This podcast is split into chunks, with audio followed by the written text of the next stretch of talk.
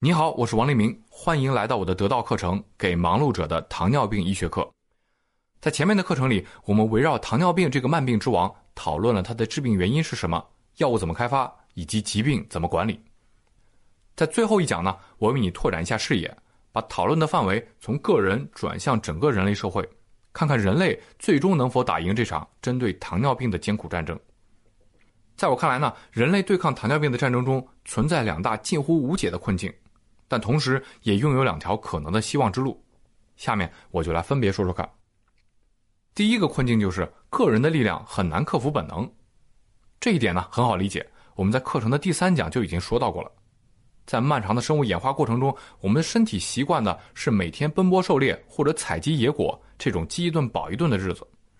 这样的日子当然不好过，所以我们的祖先才开始了农业革命和工业革命，最终让自己的子孙后代能过得舒服一点。但是坏就坏在这一切发生的太快了，从普遍饥荒到粮食总量过剩，从大多数成年人都得从事繁重的体力劳动，到只需要敲敲键盘就能赚钱，这些变化居然只用了短短一两百年，就在全世界普遍完成了。这点时间在生物的演化历史上几乎就是一眨眼的功夫，因此呢，适应了饥寒交迫生活的人体，一眨眼进入到一个纸醉金迷的世界，就像是一个手无寸铁的人走进枪声大作的战场。根本呢就没有一丁点的抵抗力，而让情况更糟糕的是，现代生活还在进一步顺从和激发我们好吃懒做的本能。一方面呢，商家会想办法开发出好吃的食物，满足我们对高能量食物的偏好，而这个呢，基本上就意味着高糖和高脂肪。另一方面呢，他们还会想办法开发出各种商品来帮助我们节约体力，像汽车、电梯、电子游戏，本质上都是这种类型的商品。对于这些东西的便利和诱惑，我们的人体是没有什么抵抗力的。即便有少数人能够凭借坚强的毅力一辈子锻炼身体、控制饮食，但是我们还是得承认，更多的人他做不到啊。而吃的多、动的少，就是导致二型糖尿病爆发的重要原因。那这个问题就大了：人的生存欲望给我们带来了人类文明，人类文明给我们带来了富足生活，但是人体又对富足生活毫无抵抗力。所以，难道说人类就是无法战胜糖尿病吗？哎，你可能会说啊，个人控制不了好吃懒做的欲望，我们还有组织，还有国家，能不能依靠政府来帮我们呢？能不能让他们出面管控商业活动，甚至是指导我们的生活方式来对抗糖尿病呢？这个思路啊，看起来顺理成章。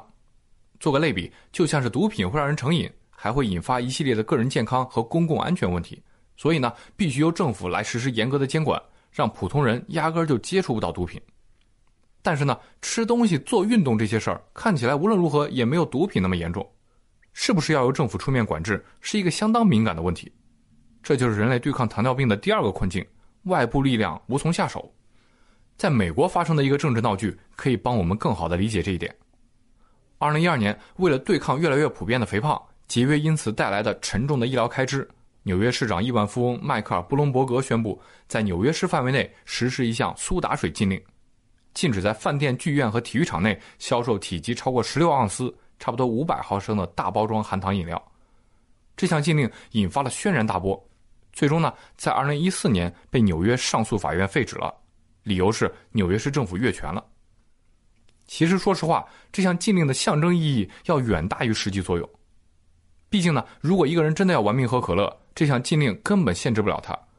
他仍然可以去超市买大瓶可乐，或者干脆呢一次点两杯小号的可乐就能绕过这项禁令。但是在反对者们看来，这项禁令不管有多少正当的理由，都是公权力对个人自由和隐私的侵犯。让情况更复杂的是，糖尿病其实和社会经济阶层也有密切关系。在古代各国，糖尿病都是富人的专利。有时候我们会说糖尿病是富贵病，就是这个原因。但是呢，在快速工业化之后，糖尿病反而在某种程度上更加偏好穷人，因为穷人往往没有时间锻炼身体，也没有多余的钱买健康食品，更缺乏充分的健康知识。比如说啊，在美国，低收入人群患糖尿病的概率要比富人高百分之二十六，这个趋势在咱们中国也已经出现了。这样一来呢，在国家和社会层面上应对糖尿病就成了一个比较复杂的公共卫生问题。如果真的出手治理，可能除了干涉个人自由和隐私的问题之外，还多了一层你是不是分阶层对待、见人下菜碟的嫌疑。所以说，试图使用外部力量对抗现代生活方式带来的糖尿病，就真的成了一个比较敏感、难以下手的复杂问题。个人的意志品质靠不住，外部力量又比较敏感，不能轻易动用，那是不是说在对抗糖尿病的道路上，人类就只好举手投降呢？我想呢，也不需要这么悲观。展望未来，我们还是有很大的希望能够胜利的。希望之路啊，有两条，一条是更深入的疾病教育。另一条是更精细的生活方式管理。咱们先说疾病教育，就是让更多人更早、更全面的认识到生活方式和糖尿病的关系。咱们拿美国做例子，在二十年的高速增长之后，美国的糖尿病得到了显著的控制。在二零零八年，美国一年新增一百七十万糖尿病患者，而到了二零一七年，这个数字下降了百分之三十五。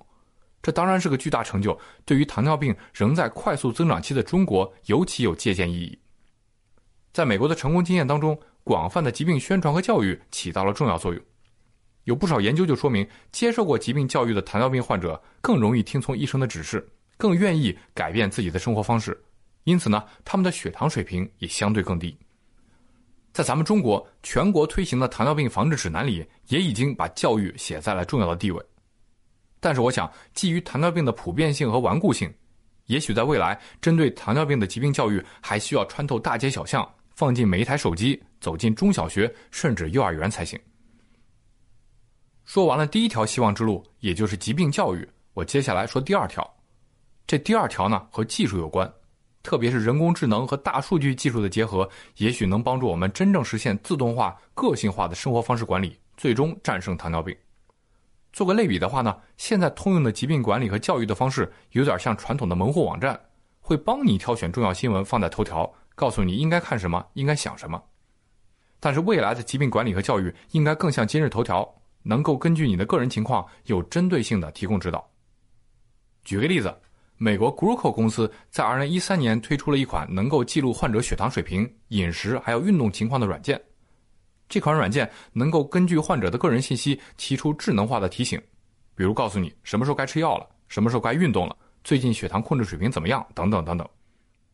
而临床研究的结果显示，使用这款软件能让人的血糖水平下降差不多十个百分点，这是个很了不起的结果。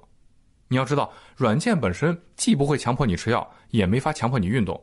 这百分之十的降血糖效果，仅仅是依靠更精细的信息提醒来实现的。再举一个例子。在咱们课程里也提到过，精致淀粉会让血糖快速升高，不如粗粮和杂粮健康。但实际上呢，针对一个具体的人，到底什么食物更适合他，是一个高度个性化的问题。